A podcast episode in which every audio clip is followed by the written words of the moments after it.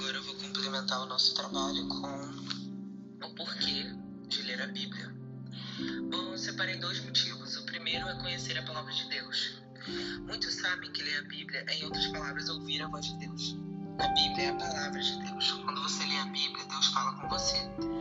Tudo que Deus diz tem poder. Ao ler a Bíblia, você se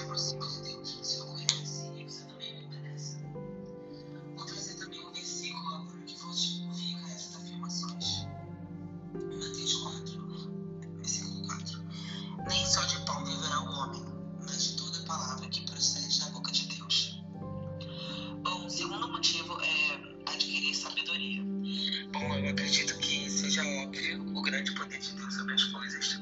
Então eu não ficarei surpreso ao saber que a sabedoria de Deus é maior do que muito vem a sabedoria humana. A Bíblia está cheia de bons conselhos e ensinamentos, além de discussões e respostas para nada mais nada menos que todas as áreas da vida. E contém o principal ingrediente da verdade, que nunca que não ajudaria a não fosse verdade. Então, sem dúvidas, pela Bíblia você adquiria muito, adquiria muito.